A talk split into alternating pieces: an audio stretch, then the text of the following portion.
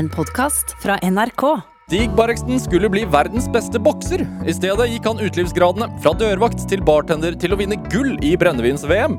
Stig Barreksten lager nemlig det som regnes som verdens beste gin. Brenneriet hans utenfor Bergen produserer 200 000 liter brennevin i året, og eksporterer de edle dråpene til 35 land. Dette er Drivkraft med Vegard Larsen i NRK P2. Stig Barreksen, hjertelig velkommen til Drivkraft. Takk for det. Hvordan har du det? Jeg har det kjempebra. Vi er jo i den mest hektiske perioden vår sånn normalt sett nå. Desember. Desember. Hvorfor er det sånn? Nei, det er nå opp mot jul, akevitt. Normalt sett så skulle jeg hatt smaking av arrangementer hver dag, men eh, de er jo selvfølgelig slutt på akkurat nå. Men, eh, men eh, Du har digitale smakinger, har jeg skjønt. jeg har kjørt en del digitale smakinger. Hva, hvordan foregår det? Nei, da sender vi rundt uh, prøver til folk, og så smaker vi sammen. På, og på, nett. på nett. Hva Er det, er, får man det samme ut av det, tenker du? eller? Ja, jeg tror det, men det er jo ikke like sosialt, da. Men, eh, men sånn kunnskapsmessig får man det nok det samme ut av det. Jeg, leste, altså På nyhetene i dag så, så sier eh, Folkehelse, eh, Folkehelseinstituttet uh, Eller det, nyheten er at eh, de anbefaler at åpningstidene for Vinmonopolet utvides nå før jul. Eh, fordi å unngå køer, at alle handler samtidig og sånne ting. Ja. Eh, hva tenker du om det? Ja, altså, jeg, jeg syns det kunne vært åpent like lenge som eh, alle andre butikker, jeg, så jeg ser egentlig ikke grunnen til at det skal stenge tidligere. Men det fins vel noen gode argumenter for at de stenger tidlig òg, jeg er ikke helt sikker. Men, men i hvert fall, de har jo utvidet åpningstidene litt på lørdagene nå. Og det er jo det Når du går forbi f.eks. nede på Grünerløkka og polet der, så står det 150 meter med kø, så det hadde kanskje vært bedre å fått utvidet det litt. Grann. Det er spesielt å se. Ja, det er jo det. Det, det minner jo litt om gamle dager, da. Sånn, eh, for de som husker når det var disk på polet, og køen var lang, altså. Ja. Vi, man vil ikke tilbake dit. Nei, det vil ikke vi. Men, men eh, Vinmonopolet har jo økt, også merka veldig sånn økt omsetning under korona nå. Ja. Eh, hvordan har det vært for Altså hvordan har koronaen påvirka oss Craft Distillery, altså som, som brenneriet ditt heter? Nei, altså når vi startet, så var jo det bråstopp, egentlig. For, for vår del så var størstedelen av salget vårt eksport Ja. Uh, og taxfree. Og, og det forsvant jo over natten. Så vi, på lik linje med mange andre, så var vi avhengig av, eller nødt til å permittere samtlige ansatte, inklusive meg selv. Eh, samtidig som vi jobbet med, parallelt med et prosjekt å lage håndsprit. da. Ja, Så dere begynte med det? Ja, og så ble det Hva, hva, var det noe dere begynte med pga. nedstengingen, eller?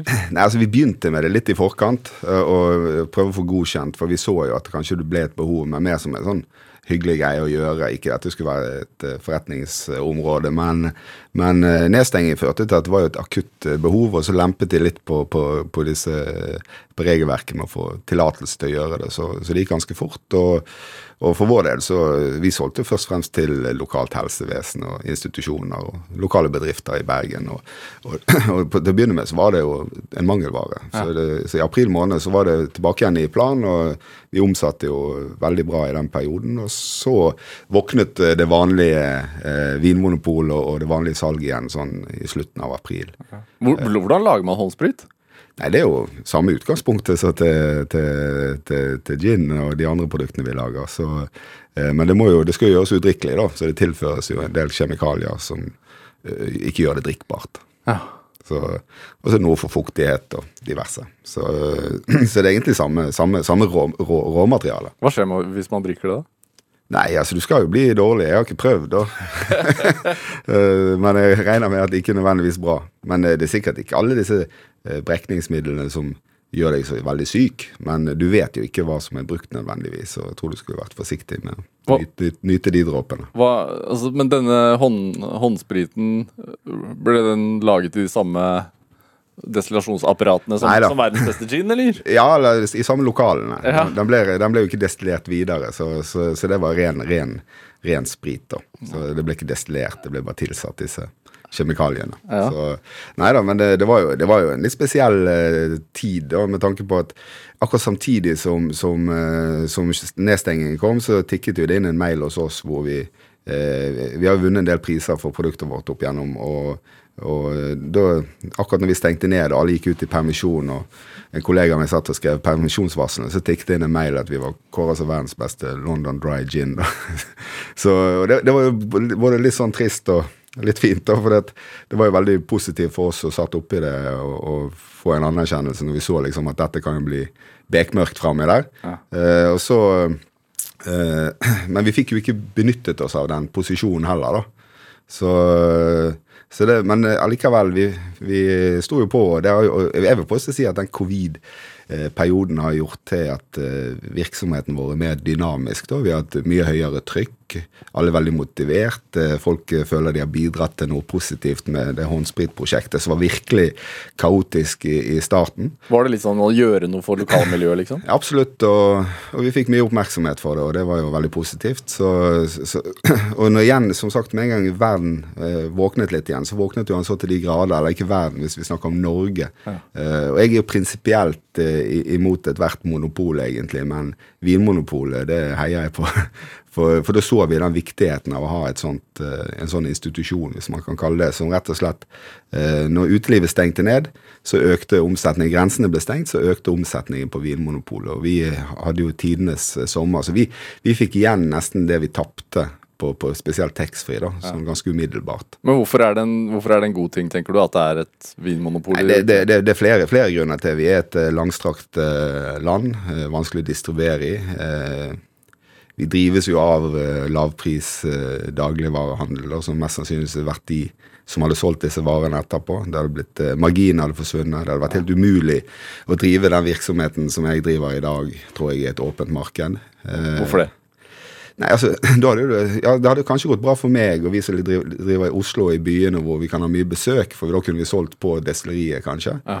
Men, men, for han som driver ute på en holme eller ute på ei øy eller inne i en dal, han ville jo ikke fått det besøket og heller ikke hatt det store grunnlaget av kunder rett rundt seg. Så, nei, så vi skal være glad for det. Samtidig så i Vinmonopolets system så er vi oppfattet eh, på lik linje som de største. sant? Vi, vi, leverer på anbud, og det er etterspørsel som styrer distribusjonen. og ja, Så, så en fantastisk ordning. Samtidig så Vinmonopolet det er jo eh, 30 000 varelinjer, eller betraktelig mye mer enn det, men altså det, det, du har jo så det er utømmelige mengder av viner og type brennevin du kan bestille. Ja. Og du kan faktisk få levert det på døra i tillegg. Nei, så det er, det, er, det er, en god ordning. og, og og marginene til, til Vinmonopolet er jo forholdsvis lave. da, Og i et uh, marked som er så presset med alkoholavgift, så, så, er jo det bra en aktør som ikke tar ut tre ganger på et produkt. Og Hva syns du om det at det ikke er lov å brenne hjemme, da? Ja, det er jo Ja, hva skal vi si? Det er jo, det er jo, det er jo trist, for det er jo en del av uh, kulturen vår, vil jeg si, å drive med hjemmebrenning. Men jeg har full forståelse for at det er et regelverk som begrenser akkurat det. For ellers hadde vi sikkert sett litt mer husbranner og diverse. Ja. Nå er jo det strengt tatt ikke noe farlig, det, det, det, å destillere hjemme, da, men uh, det har jo vært nok av ulykker knyttet til det. Har du ikke sånn lite destillasjonsapparat? Jo da, jeg har destillasjonsapparat.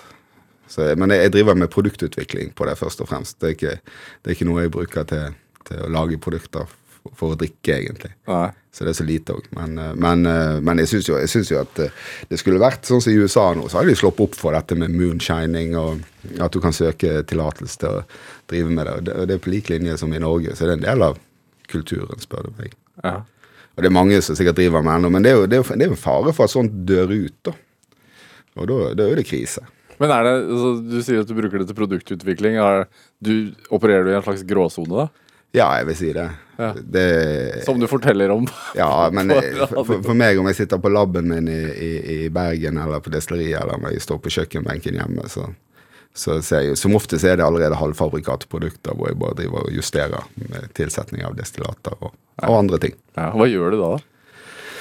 Nei, det er, jo, det er jo det, det er jo det, der med kreativitet. Og det er vanskelig, for meg i hvert fall, så, så er det vanskelig å være kreativ og, og, i samme øyeblikk være bedriftsleder, eller det, Når jeg er på destilleriet, så er det de vanlige utfordringene som alle bedrifter har. og eh, Det er møter som skal gjennomføres, og det er ting som skal rapporteres. og ja, og et ganske hektisk eh, eh, arbeidsmiljø. da. Som gjør det vanskelig å være kreativ? Ja, og Da blir det ofte enten på kveldene, når folk har gått hjem, ja. eh, ellers eh, men, men grunnen til, til at jeg gjør veldig mye hjemme eller på hytta eller hvor jeg skulle være, det, det handler om roen. da, Det der til å ferdigstille. Jeg, jeg, jeg begynner alltid på et prosjekt, og så ferdigstiller vi det på, på destilleriet. men, men, eh, men eh, det er liksom Ja, finne roen. Det finner ikke du med hvite vegger og, og mye støy. Jeg finner det gjerne på ettermiddag, kveld, og, og kan jobbe med en idé og utvikle den. Og så, så kan jeg komme i gang med det, og så har jeg en, en retning hvor vi kan fortsette på destilleriet. da. Dette er Drivkraft med Vegard Larsen i NRK P2. Og i dag er mannen bak uh, verdens beste gin, uh, Rune Bareksen, her hos meg i Drivkraft på NRK P2. Det er, det er deilig å smykke seg med det, er det ikke det? Ja, det, men, men sånn, jeg pleier alltid å si disse prisene betyr alt og ingenting. det, ja. det, det, er sånn vi, vi, vi har eh, nå i løpet av Eh, ja, vi lanserte eh, oktober 2016, eh, og det var jo en smal, smal, sti å gå opp der med, med brennevin. Og vi vant jo førsteprisene våre i april 2017. Og, og etter hvert så har det blitt 30 pluss, nesten 40 internasjonale priser for, for spesielt ginen vår, da. Og det er jo sånn Blitt så vant til at du Ja, det, ja det, man, man, blir vant til det, men det er liksom i, i, denne prosessen Man er så langt foran eh, Jeg sjøl er så langt foran. Jeg tar jo for gitt eh, at, at, vi er der, da. Så, så, så, så jeg blir verken skuffet om ikke vi går til topps i konkurranser. Og jeg, jeg, blir jo glad, men det er ikke noe sånn og dette betyr så enormt mye på kort sikt. Det gir oss egentlig bare selvtillit til å fortsette. Men betyr det noe for salget, da? Nei, egentlig ikke. Det gjorde, det gjorde, akkurat for oss gjorde det i, i, den første Når vi lanserte produktet, da. Ja. Eller når vi fikk eh, første doble gullmedaljen i San Francisco.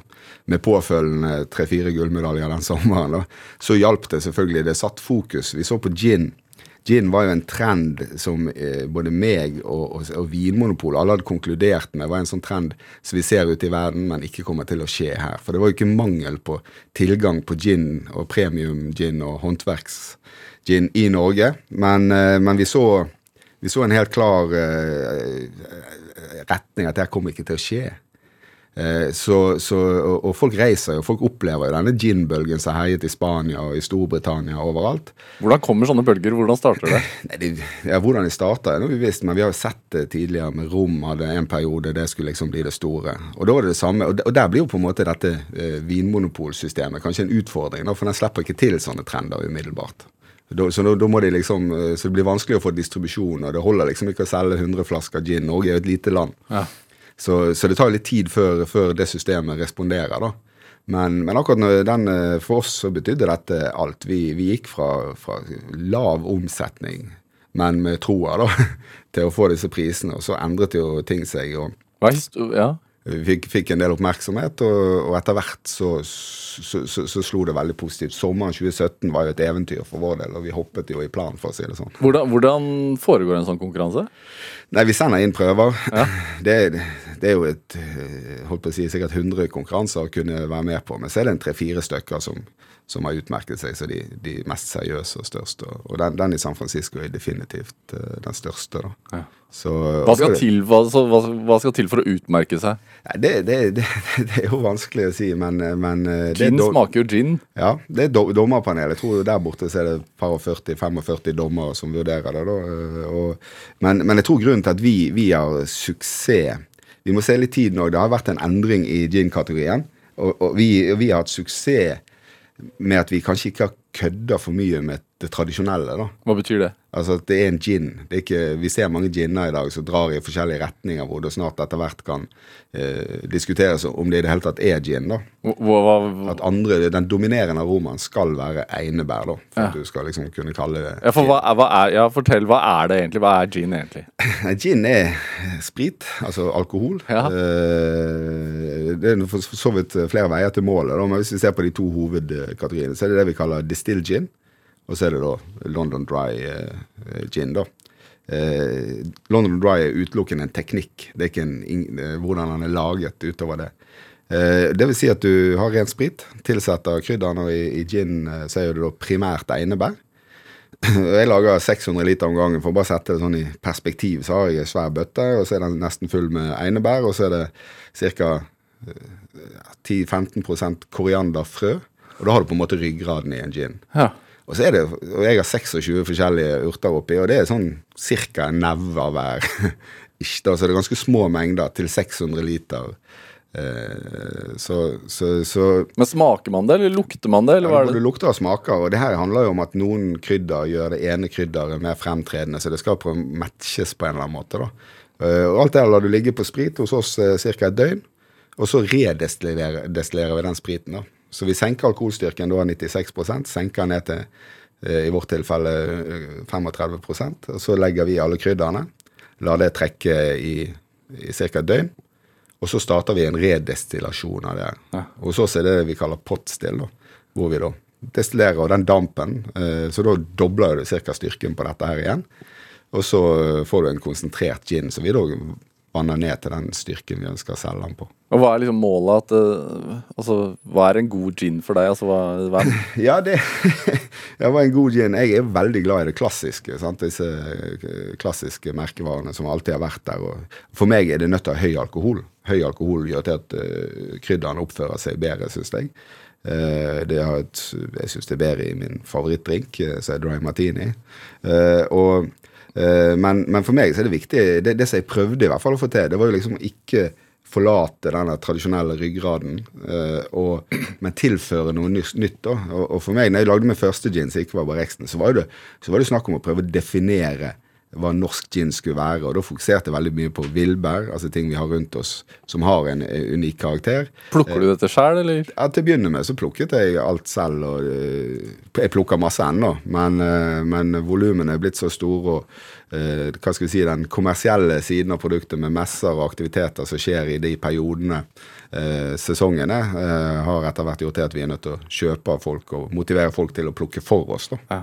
Når du, vi, vi snakket jo litt om det, altså, at det er kreativitet involvert, og at du eh, blir ekstra kreativ på kvelden eller når du er for deg selv. Eh, hvor, hvor kom eh, inspirasjonen til den eh, botanical ginen da, som vant eh, nå? Ja, altså, helt sånn rent, rent konseptuelt. Det, det er mange, mange ting som, som på en måte ikke, ikke nødvendigvis gjenspeiler seg i, i, i smak, da. Men, men for meg så var det å jeg skulle tydeliggjøre den eh, definisjonen på, på hva jeg mente norsk gin var. da. Ja.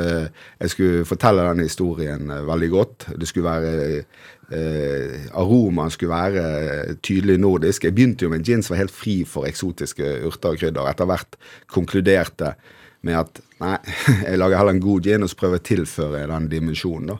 Hva vil det, altså sånn, Du hadde bare norske urter i Ja, bare norske urter. og det, det er kjempebra. Det jo- jeg kommer garantert til å lansere et produkt som er bygget på den måten på et eller annet tidspunkt. Men, men så bestemte jeg meg heller for å lage en god gin, og så heller tilføre disse unike eh, eller nordiske aromaene. Og for meg så fant jeg den løsningen i en del røtter, eh, men først og fremst i villbær, blåbær og tyttebær, som er en lyngplante. Og når du destillerer, så har den en sånn tydelig sånn skogsbunnaroma. Samtidig så det ga det som var på en måte nøkkelen for, for produktet. Det var at Jeg ønsket å lage en gin som var klassisk, han skulle være tørr, men han skulle ha et volum eller en rikhet som jeg følte manglet i kategorien. Og Der har vi mange fordeler med at vi har ganske bløtt vann i Norge. Vi bruker potetsprit, eh, som har en eller annen sånn, eh, rikere opplevelse. Eh, mens løsningen lå i, i, i, teknikk og blåbær og, og, disse, og einebær for øvrig, så ga en sånn enorm munnfølelse da, som jeg følte ikke gin hadde hatt før. Og det, det, du, det, tror jeg er litt grunnen til at vi oppnår eh, Vi gjør det veldig bra i konkurranse. Det at vi har det der tradisjonelle som du forventer en gin skal ha, men så har han noe litt sånn ekstra med seg, da. Ja.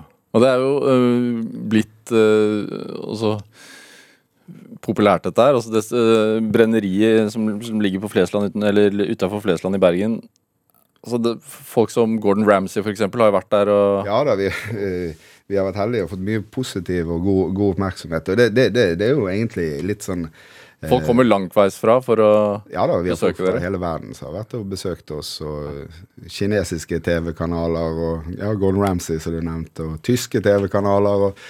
det er, jo, det er jo et eller annet Det, det er jo en kombinasjon at vi, eh, vi har noe som er, eh, gjør det bra, selvfølgelig. Og så, så er det litt det der med, med, med, med, med brennevin, eller eh, næringsmiddelproduksjon, eller lokalmat, om du skal kalle det det. da. Ja. Det gir jo eh, eh, de lokale en eller annen form for stolthet.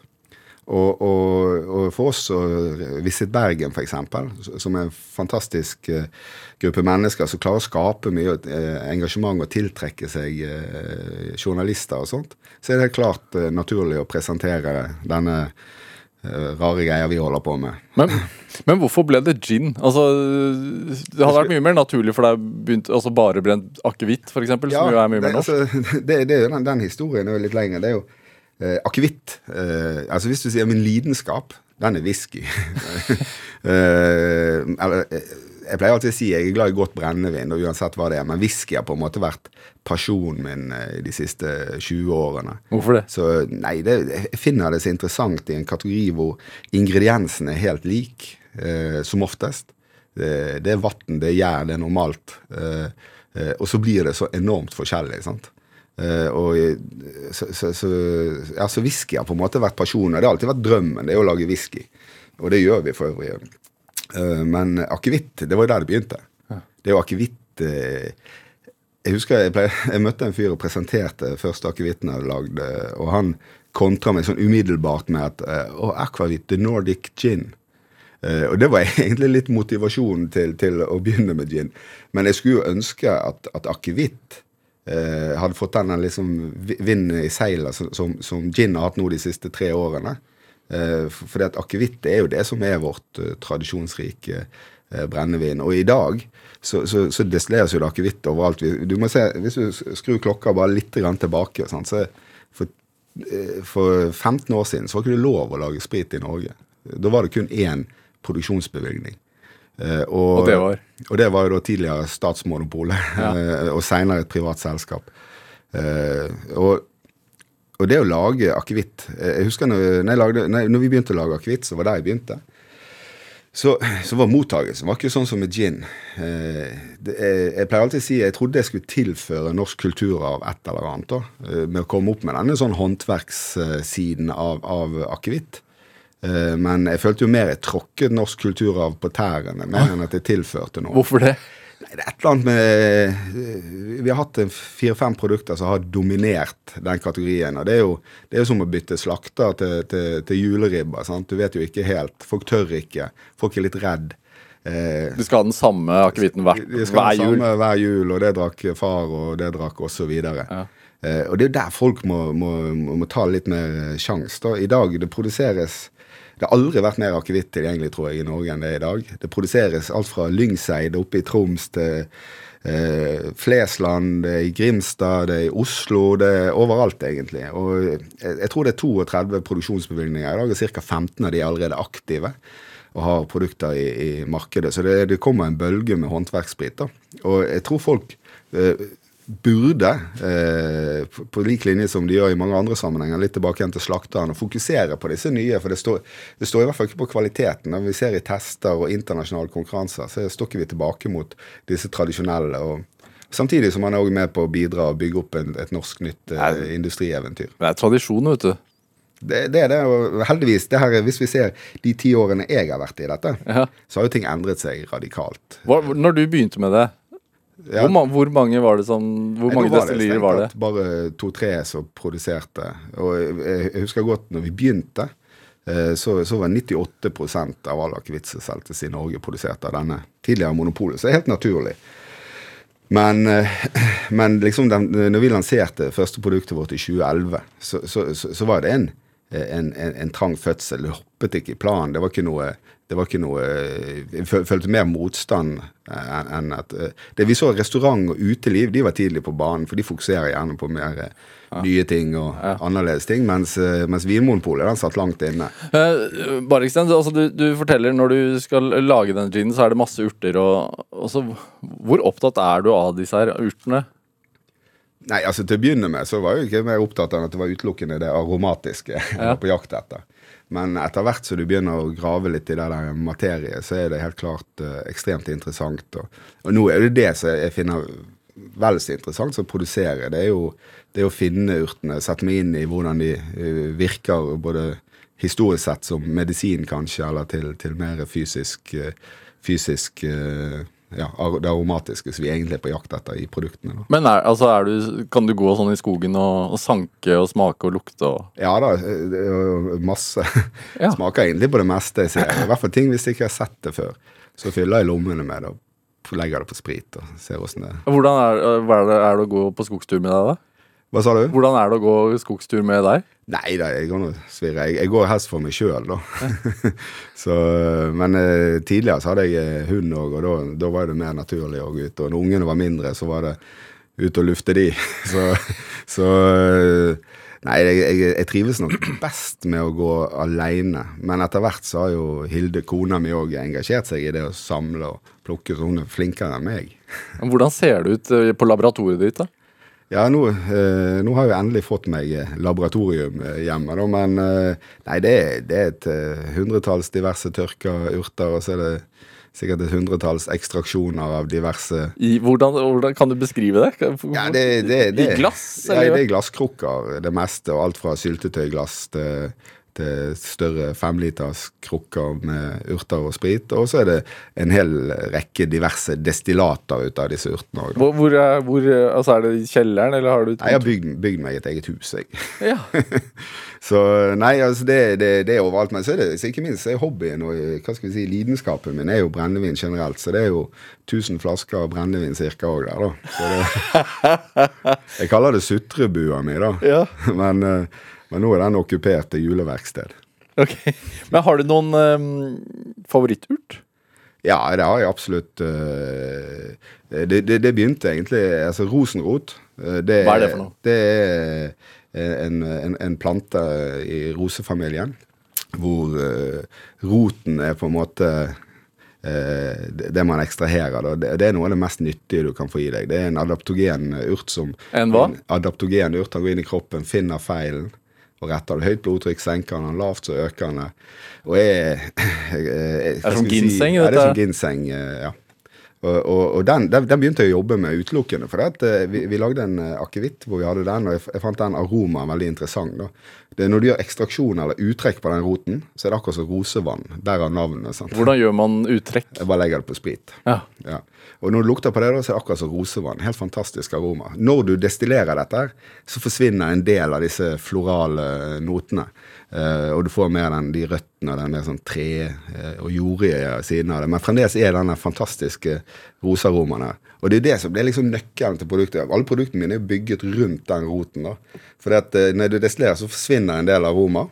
Og så er egentlig det som er skjønnheten med sånn krydderdestillasjon. Så lenge du vet noe er inni der, så kan du tilføre lignende aroma. Og det var der det gikk litt gærent og ble 26 eh, eh, forskjellige ingredienser i, i da. For eh, etter hvert så bare la jeg på forskjellige blomster. Rødkløver, hvitkløver, og så ble det hylleblomst, og så balla det på seg. Og så plutselig så var den rosenroten helt tydelig tilbake igjen. da. Så et eller annet sted der så tangerte disse aromaene. Men eh, litt grunnen til at jeg bruker rosenrot i dag i alle produktene våre, det er jo av, det er jo av, eh, av eh, at jeg kan fortelle det jeg skal fortelle nå. Det er at det er faktisk en, eh, en plante så, eller en medisin som alle burde ta. Ja. Det, jeg, jeg lager uttrekk og kjøper uttrekk av rosenrot. Hvorfor, hvorfor er det noe man burde ta? det hjelper litt mot alt. Det, det er en sånn uh, vidundermedisin. Den uh, har du om det Jeg, jeg sliter med, med, med, med noe hjertegreier og tar rosenrot av den grunn. Uh, jeg ser uh, For en del år siden så, så fikk min bror hjertestans.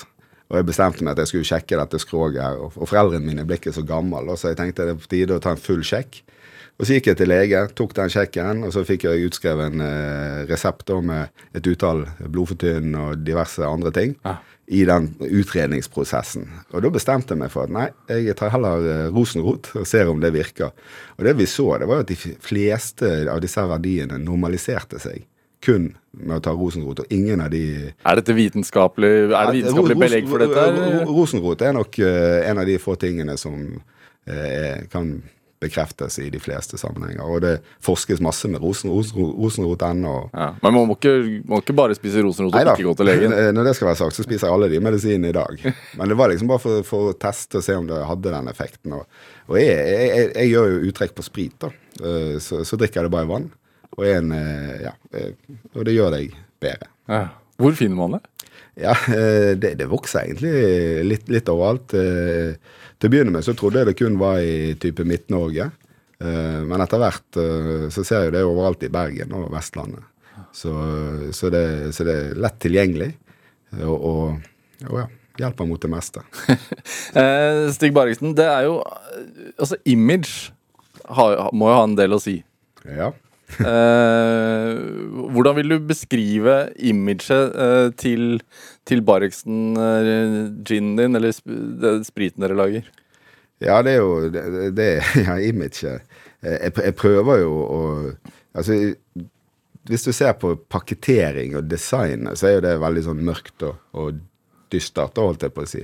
Eh, noen får kanskje noen assosiasjoner til vikingtid, det er ikke det jeg prøver å, å fortelle men, men, men Og du, du er en relativt storvokst mann med langt hår Ja, mye hår. og langt skjegg. Stort skjegg. Ja. Og du er jo også en del av innpakningen, holdt jeg på å si. Helt klart. eh, Jeg pleier å si vi hadde ikke råd til modell, så jeg tar den jobben sjøl.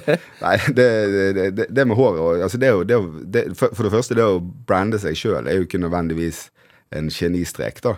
Det kan, eh, det kan slå begge veier. Men når det skal være sagt, så, så var Barek, Bareksten merkevare. Det, det var aldri tenkt at det skulle bli eh, så svært eh, som det er i dag. Eh, vi hadde jobbet med andre ideer på et, liksom den kioskvelteren. Bareksten det skulle være denne, sånn at jeg skulle klare å plukke alt sjøl, og det skulle være mer eh, nisjeorientert. Ambisjonene var like store. Det skulle være et globalt produkt, men det skulle være lite tilgjengelig og eh, høy pris. Eh, det er kanskje mange som mener det er høy pris ennå, jeg syns det er billig. Men, men, eh, men eh, og, og, og da ble, da, da ble profilen, og da ble selvfølgelig jeg sentral i, i, i, i- den merkevaren. da. Eh, og til å begynne med så så jeg på det som en utfordring, da, eh, med, at, eh, med at jeg var sentral. For rett og slett eh, Til å begynne med så sendte jeg ut andre kolleger for å gjøre møter i utlandet og sånt. Og så måtte jo jeg ned uka etterpå likevel. Uh, for de måtte jo møte meg, da, siden jeg var så, så sentral i driften òg. En ting hadde bare vært uh, han som sto inne på laben. Og etter hvert så, så så jeg det at det der funket jo veldig bra. Uh, når vi så på gin-festivaler og større messer internasjonalt, så, så fikk vi veldig mye oppmerksomhet pga. at jeg var en ekte person òg, og ikke en sånn fiktiv eh, eh, rollefigur. Så, og i dag så, så, så, ser vi det at det er det som gjør til at vi får god oppmerksomhet i internasjonal presse òg. Det at eh, det er en eller annen raring oppe på Vestlandet som driver og produserer et eller annet. og Ser ut som en viking, Ser ut som en viking. Og at det selges som eh, noe ur- urnordisk. Ja, det gjør, gjør det. Og vi er jo eh, Men igjen, sant, jeg skulle gjerne klippet av meg litt av dette håret etter hvert. Og, men nå er det blitt så, så, så knyttet til, til merkevaren at uh, Du kan jeg, jeg, ikke gjøre det. Det. Og det er jo det med å se ut som meg. Jo, normalt sett så går man til frisøren, og så klipper man seg, og, uh, og så ser man en endring, og i dag så jeg bra ut. Jeg ser det samme trynet i, i speilet hver dag, og det er ingen endring. Det blir litt gråere for hvert år. Uh, Barreksten, du, du har litt musikk til oss. Det har jeg. Og du, du har med en Varuna-låt, og, og det er jo det, det burde musikk som nesten tonesetter imaget deres, føler jeg. Ja, og det er på en måte Vardrun har jo på en måte blitt litt soundtracket til, til, til, til hele prosjektet mitt. Og det begynte med at eh, jeg kjente ikke til Vardrun. Jeg, jeg, jeg kjenner til bandet de spilte i før, eh, som et lokalband fra Bergen. Eh, og så satt jeg og kjørte opp fra, fra Grimstad for ja, kan det ha vært i 2013. Og så eh, var det et intervju på radioen, og så hørte jeg den musikken. Så ble jeg for første gang sånn i voksen alder så ble jeg helt sånn fanget av et band.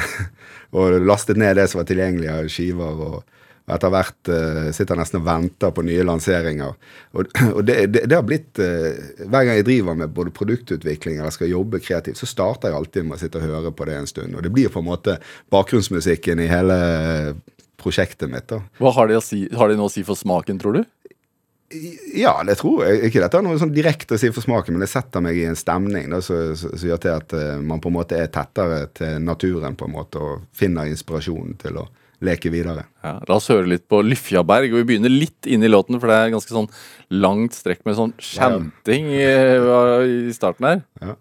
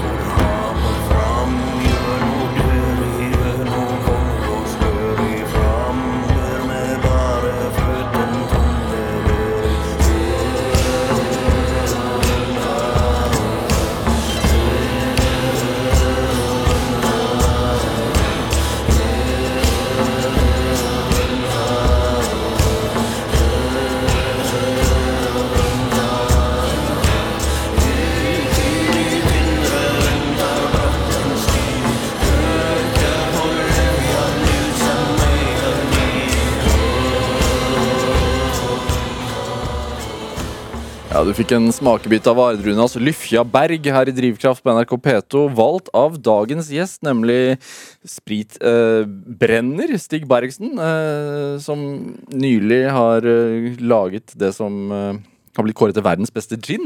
Han er da dagens gjest her i Drivkraft på NRK P2. Eh, Stig, du, du bor jo eh, her i Oslo, eller du Ja, jeg bor litt utafor Oslo, på Vinterbro. Ja, men du er fra Bergen, det hører man jo. Jeg er fra Bergen. hvor i Bergen er du fra? Ja, altså jeg, er f jeg er egentlig ikke fra Bergen heller. Jeg er født, jeg er født i Bergen, men jeg er vokst opp i Florø.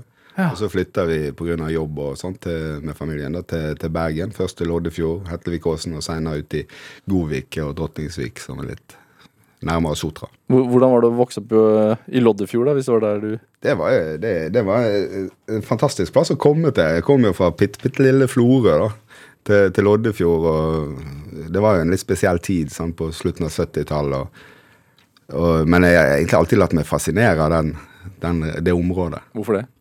Nei, det, jo, det, det var jo en salig blanding av hva skal vi si, u, folk med utfordringer og ekstremt mye kreative mennesker. da. Så, så en ja, sånn rugekasse eller klekkeri for gode ideer. Hvordan var barndomshjemmet, da?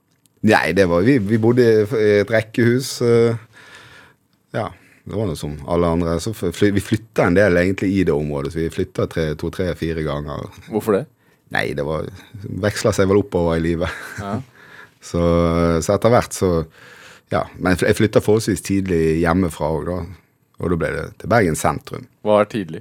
Nei, jeg flytta vel første gang i sånn 16-17 år, og så litt hjem igjen, og så militær, og litt hjem igjen. Hva, hva var det Stig Barreksen drømte om, da? Nei, altså på det, på det tidspunktet der, så, så, så var vel eh, boksingen som begynte å fatte interesse, da. Og, eh, det var jo mye trening. Jeg var jo sånn jeg var jo ikke et idrettsmenneske sånn i utgangspunktet, heller tvert om. Så, så, jeg fant eh, Og jeg er litt sånn her, hver gang jeg gjør ting, så, går jeg veldig inn i det, da. Og hadde vel kanskje ikke det store talentet heller, men, men det gikk bra, da. Fikk boksa masse kamper og etter hvert uh, var alltid høyt rangert, men jeg ble aldri seniormester, og det ergrer meg den dag i dag. Boksing er jo en, er idrett som har vært litt sånn hva skal man si, uglesett i, i Norge. Ja, det, det, det er mulig. Jeg, jeg ser ingenting gale med, med, med, med boksing. Det- Men- men The noble art of self-defense. Ja, hvor, hvorfor, fant, hvorfor falt du for den? Nei, det, det er et eller annet med eh, altså Først og fremst er jo treningen. Og, og du, du begynner alltid med det å komme i form, og så er jo det eh, Så er jo det eh, en, en flott idrett hvor du får testa deg sjøl på mange områder. Det, og det er jo det, jeg, jeg vil jo påstå å si at boksing Jeg bruker mange av de egenskapene mine fra boksing den dag i dag. Da. Det, Det må du fortelle. ja, det er litt det der eh, du, du, du er aldri komplett som, som, som idrettsutøver uansett, og i hvert fall ikke i boksing. Det er mye du må ut, forbedre. Du må sette deg små, små mål og nå de, og det kan være mål som ikke handler om å vinne noe, men at du, du kjenner dine svakheter, og du må forbedre de over tid. Og Det får ikke du gjort sånn over en uke. Det er gjerne du må bruke en hel sesong på å bli bedre på, og kanskje sommeren før neste sesong å sette seg disse delmålene, og så nå de, og så liksom ha glede av det. da. Og det, det, det ser jo jeg i, i brennevin. Du må ha klokketroa på, på målet ditt. Eh, det, eh, fordi at eh, volumene er så små.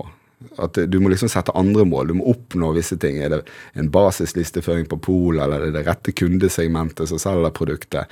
Er det den rette oppmerksomheten? Og Det, og det, det, det, er helt parallelt til, til, til boksing. Jo, du er litt for svak i, i det ene, så må du styrke det. Og, så, og så, så er det ingen som gir deg diplom for å nå disse målsetningene. Det er jo kun deg sjøl som blir belønnet av det. Hva fikk du ut av å være i ringen, da? Jeg hadde en enorm glede av å bokse. Jeg, jeg savner det holdt på å si hver dag, for det snart begynner å bli ja, det er 30 år siden. Men, men, men eh, Hvorfor det? det er et eller annet med denne stemningen. Det, det, jeg tror det finnes to typer bokser. Noen har, har, har mye nerver knyttet til det å gå, gå opp i ringen og kan prestere kjempegodt av den grunn, men, eh, men, men jeg hadde en sånn enorm glede. Det der å løpe opp de der fire-fem trinnene opp i ringen. det og vite at du, nå skal du slåss. ja, nå skal, denne følelsen av å vite at det står en på andre siden der som strengt tatt ikke vil deg godt, da. Eh, eh, og så Jeg var alltid inne i bokser, så jeg var veldig tynn. Og jeg møtte jo gjerne folk som var definert, hadde masse muskler. Og, og jeg, jeg kjente bare den følelsen av å stå og ta litt på det der. Det var helt fantastisk. Og så med en gang det er i gang, så er man på, på, på samme linje, egentlig. Men jeg, likte spesielt den følelsen før kampen. Og det, det, det, når jeg slutta å bokse, så var det det jeg savnet mest. Det var egentlig kampene, ikke treningen. Jeg, jeg var ikke noe sånn spesielt sosial i garderoben, eller at det var liksom min greie. Men det var spesielt de der kampene, og rett før de starta. Den følelsen der. Så jeg, jeg hadde stor glede av. Var det derfor du ble dørvakt? Nei, det, det, det faller seg ofte naturlig. Er du i et miljø, i et sånt boksemiljø, så, så er jo det holdt på å si det du trener med, jobber gjerne som dørvakter rundt omkring, eller har garderober, eller hva den skulle være. Så, så, den veien var jo ganske kort. Og så samtidig så det å jobbe natt på den måten der eh, gjorde til at du var uthvilt og fikk trent når du trengte det òg. Så, så det var egentlig det var ikke noe mål om å bli dørvakt, det var bare en sånn naturlig prosess holdt jeg på å si, med, med å være i det miljøet. Hvordan, hvordan, er det å være dørvakt, egentlig? Nei, altså Det, det var det, Fulle, fulle folk. Og, du skal være tålmodig. Ja. Det, og jeg husker jo godt jeg Igjen, jeg, jeg var jo ikke Jeg var lang, men jeg var jo veldig tynn. Men, men så jeg tror det meste kan løses med prat, altså. Det, det det var jo en litt annen tid da jeg begynte. Det var jo kanskje litt mer uh, aktivitet i døra enn det er i dag. da. Hvor, hvor var det du dør? Var det i Bergen? Eller? Ja, det var i Bergen, på et sted som het uh, Maxim. Og, det, og det, var, men det var kjempefint. Kjempegodt miljø med de du jobber med. Og, og du jobber jo på natta, da. Så det er jo litt spesielt. Og det er jo selvfølgelig fulle mennesker, men jeg har aldri hatt noe problem med det, egentlig. Synes du det? De, de kan jo prate, prate rundt rundt lett, eh, men eh, Kan ikke slå deg opp på gin og si at du har problemer med det. nei, det, det, helt sikkert. Nei da, så Nei, det var, det var, en fin tid. Og så fikk du mulighet til å trene og gjøre alt på, på dagtid. Så. Men hvorfor ville du inn og, bli, og stå bak baren? Nei, det, det, det, var en sånn det, Hvis vi ser tilbake igjen til den gang, så, så var det ikke så mye brennevinsbevilgninger i Norge. Du måtte jo jobbe på hotell, skulle du jobbe med brennevin og gjerne restauranter. Ellers var jo det øl og vin. Det var jo sånn Norge var skrudd sammen. Det var Oslo som kanskje var litt annerledes. Så, men jeg ble alltid fascinert av de som sto i baren. Og det var et eller annet med det der. Og, uh, den gang så hadde jo folk uh, sto de nesten i smokingen og rørte drinker. Og det var, no, det var noe klasse over det, så jeg hadde veldig lyst til å, å, få til. Og så husker jeg da jeg prøvde å gå den veien der, så, så, så var det så komplisert. Disse, sant, for disse bartenderne gjorde dette her så komplisert at det var, det var så vanskelig. Dette klarte ikke du. så dette måtte du gå på skole og kurs og lære osv. osv. Ja.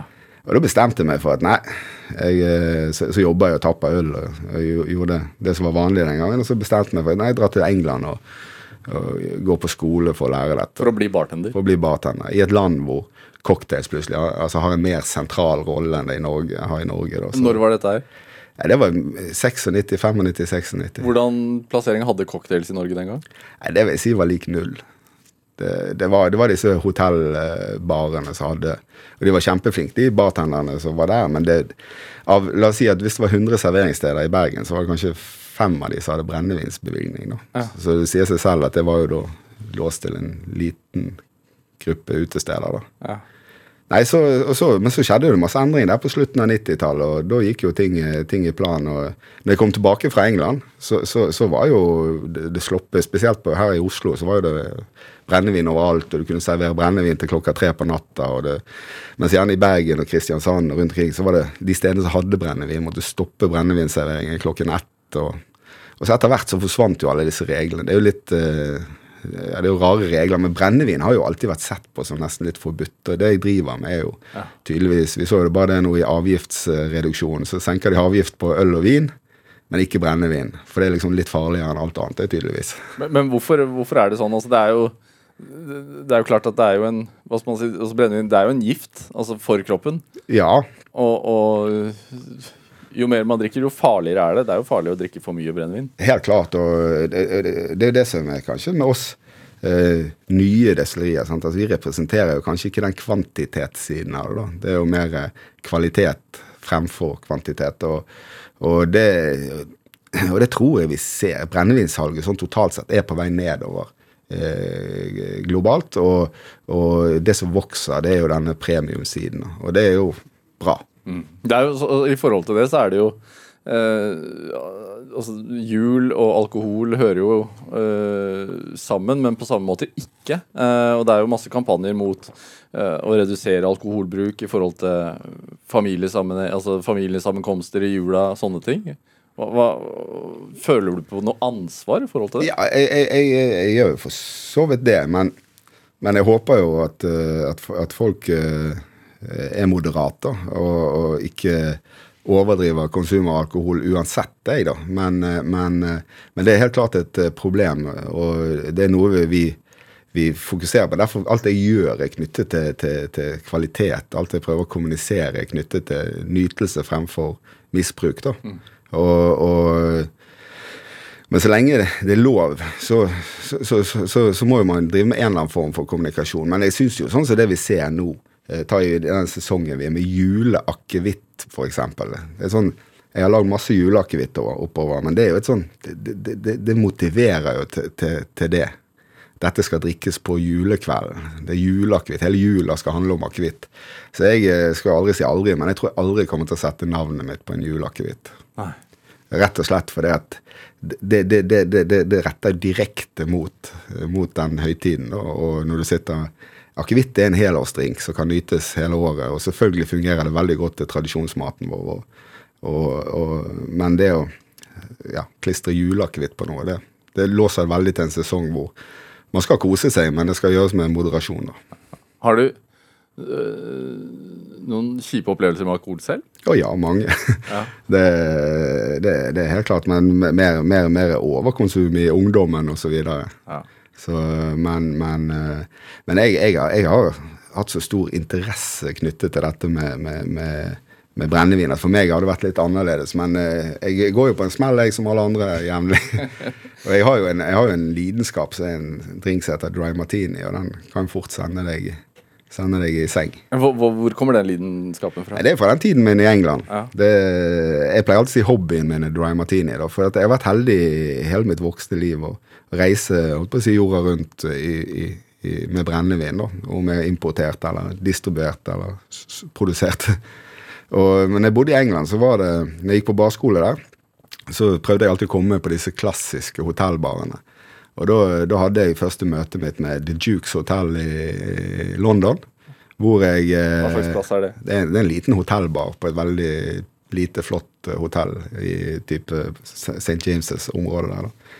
Og, og ble sittende i baren av bartenderen i hvite cocktaildresser, holdt jeg på å si. Og, og de serverte disse her rett fra frysen. og Det var sånn konseptuell greie som gjorde at jeg forelsket meg tvert. Og siden den gang så har jeg nesten oppsøkt alle sånne ikoniske steder, om det er Hemingway eller hvem som har vært der. Så det er alltid, alle byer har en sånn ikonisk bar hvor, hvor du bør De har gjerne en signaturdrink, men de serverer også alltid noe kickass dry martinis. Hva er en dry martini?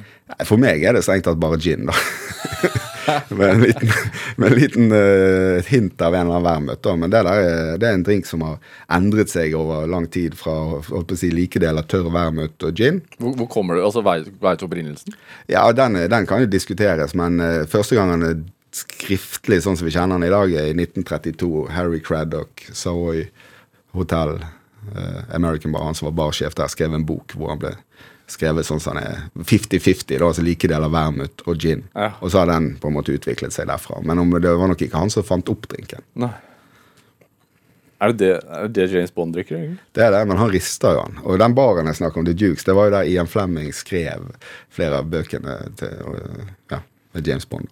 Ah, ja. Så, så det var jo et Det var sikkert der han fikk inspirasjon også, til, til, til denne cocktailen. Men hva, hva er som er så spesielt med den? Altså, den bar, altså Andre reiser til eh, London og ser på Big Ben, mens du oppsøker barene. Oppser, det har alltid vært sånn. Det, litt, litt av for inspirasjon. Når jeg drev sjøl i, i utelivet og sånt, så var det, det er ingen steder det, du blir mer inspirert enn London. London har alt. New York har masse, men London har liksom litt av alt. Og så har de denne veldig denne eksklusive, historiske hotellbar-greiene som er, fascinerer meg. Og, det, og det kommer, altså Jeg har hatt det siden jeg var ung, men jeg blir mer og mer opptatt av det jo eldre jeg blir. Hva, hva var det som trigget det som ung, da? Nei, det var jo den følelsen av det der sant? Du, du, var jo, du hadde jo ingenting der å gjøre, egentlig. Sant? Du var jo på med jeg pleier alltid å si, på med konfirmasjonsdressen og, og gå inn der. Sant? Og de som satt der, var jo forretningsfolk. og hva skal vi si, det øvre laget av samfunnet. Jeg husker det Dukes var jo sånn, Du måtte jo nesten være adlet hvis ikke du bodde på hotellet for, å- for å være der. Sånn. Så det var jo, å komme seg inn der var jo en utfordring i seg selv. og, og, og da, eh, ja, så, så jeg, Når var første gang du var der, da? Nei, det var i 96. ja. Og hvordan var det? Nei, det var jo akkurat så. Jeg satt i baren sikkert med klinkekule øyne og så på disse bartenderne og tenkte at uh, sånn skal jeg òg bli en dag. Men ja, det ble du jo. Du ble jo uh, norgesmester Ja da. i bartender. det- Jeg ble en habil bartender. Det er litt tilbake igjen til boksing. Det er det der. Eh, å- Å gå litt sånn all in når du først bestemmer deg for noe, da, og så ja, prestere maksimalt. Og, og drinker er jo, er jo gjerne noe man nyter ute eh, i, i større grad. Mm. Eh, hva, hvorfor er det Hvorfor er det så tiltrekkende på oss, tror du? Altså Barer og cocktails og den derre atmosfæren der som du beskriver. Altså nå, nå, Hvis vi ser bare de siste Altså Det har vært en konstant utvikling i bartending fra 90-tallet, sånn som jeg ser det. Etter et litt sånn shabby 80-tall med mye blå og grønn og flotte drinker. til, til, til en eh, ja, si Fra par og 90 til i dag så har det vært en konstant utvikling. Det er mange som mener kanskje at bartending plutselig ble funnet opp i 2012 nesten, men det har vært, det har vært en konstant eh, utvikling. Og, og i Norge i dag så, så, har jo vi, vi har flere barer, eller eh, i hvert fall én bar som er på topp på denne verdens 50 beste barer. Sant? Og så er Himkok, og vi har mange bak der som er på det nivået. Så, så, så være cocktaildrikker i dag I dag har vi fått litt av disse ikoniske, eh, klassiske barene til Norge. Men igjen så er jo nivået sånn generelt sett i dag veldig bra. Du kan nesten gå inn på en hvilken som helst bar og få servert deg de klassiske drinkene, og de er veldig bra. Så, men det er jo det er jo et eller annet med roen. altså det, det, i, I Norge så, så er jo utelivet kanskje at man skal ut på fest. Altså Man skal et eller annet sted, og baren blir et sted på veien. da. Jeg ser Når du er ute og reiser, så er det motsatt. sant? Du, du blir ferdig med dagens gjøremål. Mm. Gjerne et siste møte er på en eller annen bar, og gjerne en av disse her. Og så, og så avslutter du der. Kanskje det er en eller to barer. Så drar du hjem. Mens uh, hadde det vært i Norge, så hadde du dratt ut. Men når du har drukket dry martinis, så er ruten rett hjem. Ja, sånn er det. Er det Altså Er det Er det liksom den mag... Altså den tiltrekningen rundt det? Altså sånn Ja, det er jo Jeg tror alle mennesker søker altså, øh, oppvarting, da. Eh, og jeg tror ofte vanlige folk eh, Altså, vi har stor glede av å bli, bli, oppleve hospitality og service.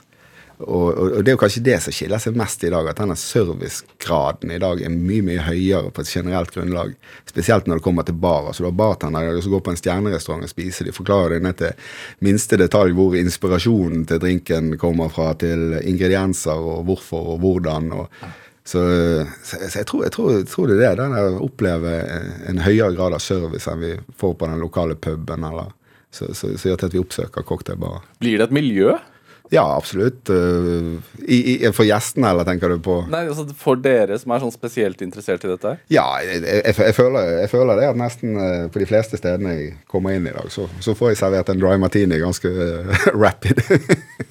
så nei da, det Ja da, det, er jo selvfølgelig det det er jo kanskje bare en gruppe mennesker som virkelig virkelig setter pris på disse stedene, og oppsøker de òg, da. Jeg, man prøver jo så godt man kan å nå innom alle så ofte man kan òg, da. For det, det er et håndverk eh, og en bransje, og spesielt nå i disse dager hvor den har fått skikkelig juling, så håper jeg virkelig at eh, folk benytter seg av disse stedene i ettertiden. da. Hvordan er du altså, Så mikser du drinker på, altså, hjemme hos deg selv også?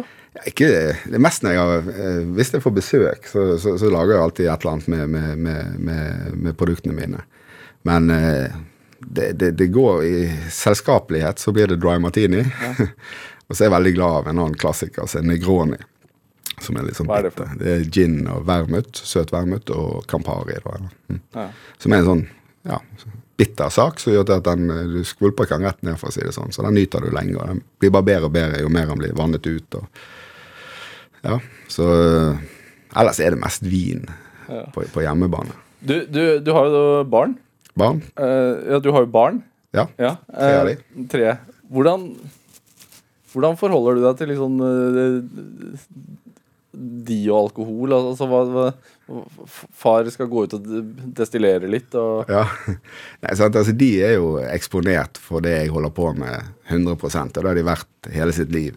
Og når de var små, så drev vi restauranter i tillegg, og mor uh, jobba på restaurant, og de var med og jobba på kjøkken og rydda glass. Og, så, de, så de har nok eh, de er 100% eksponert for det i form av media, i form av eh, samlingene mine, i form av at jeg selvfølgelig har hatt eh, ganske mye av dette her hjemme. Eh, på dette sutrebua mi, som jeg kaller den.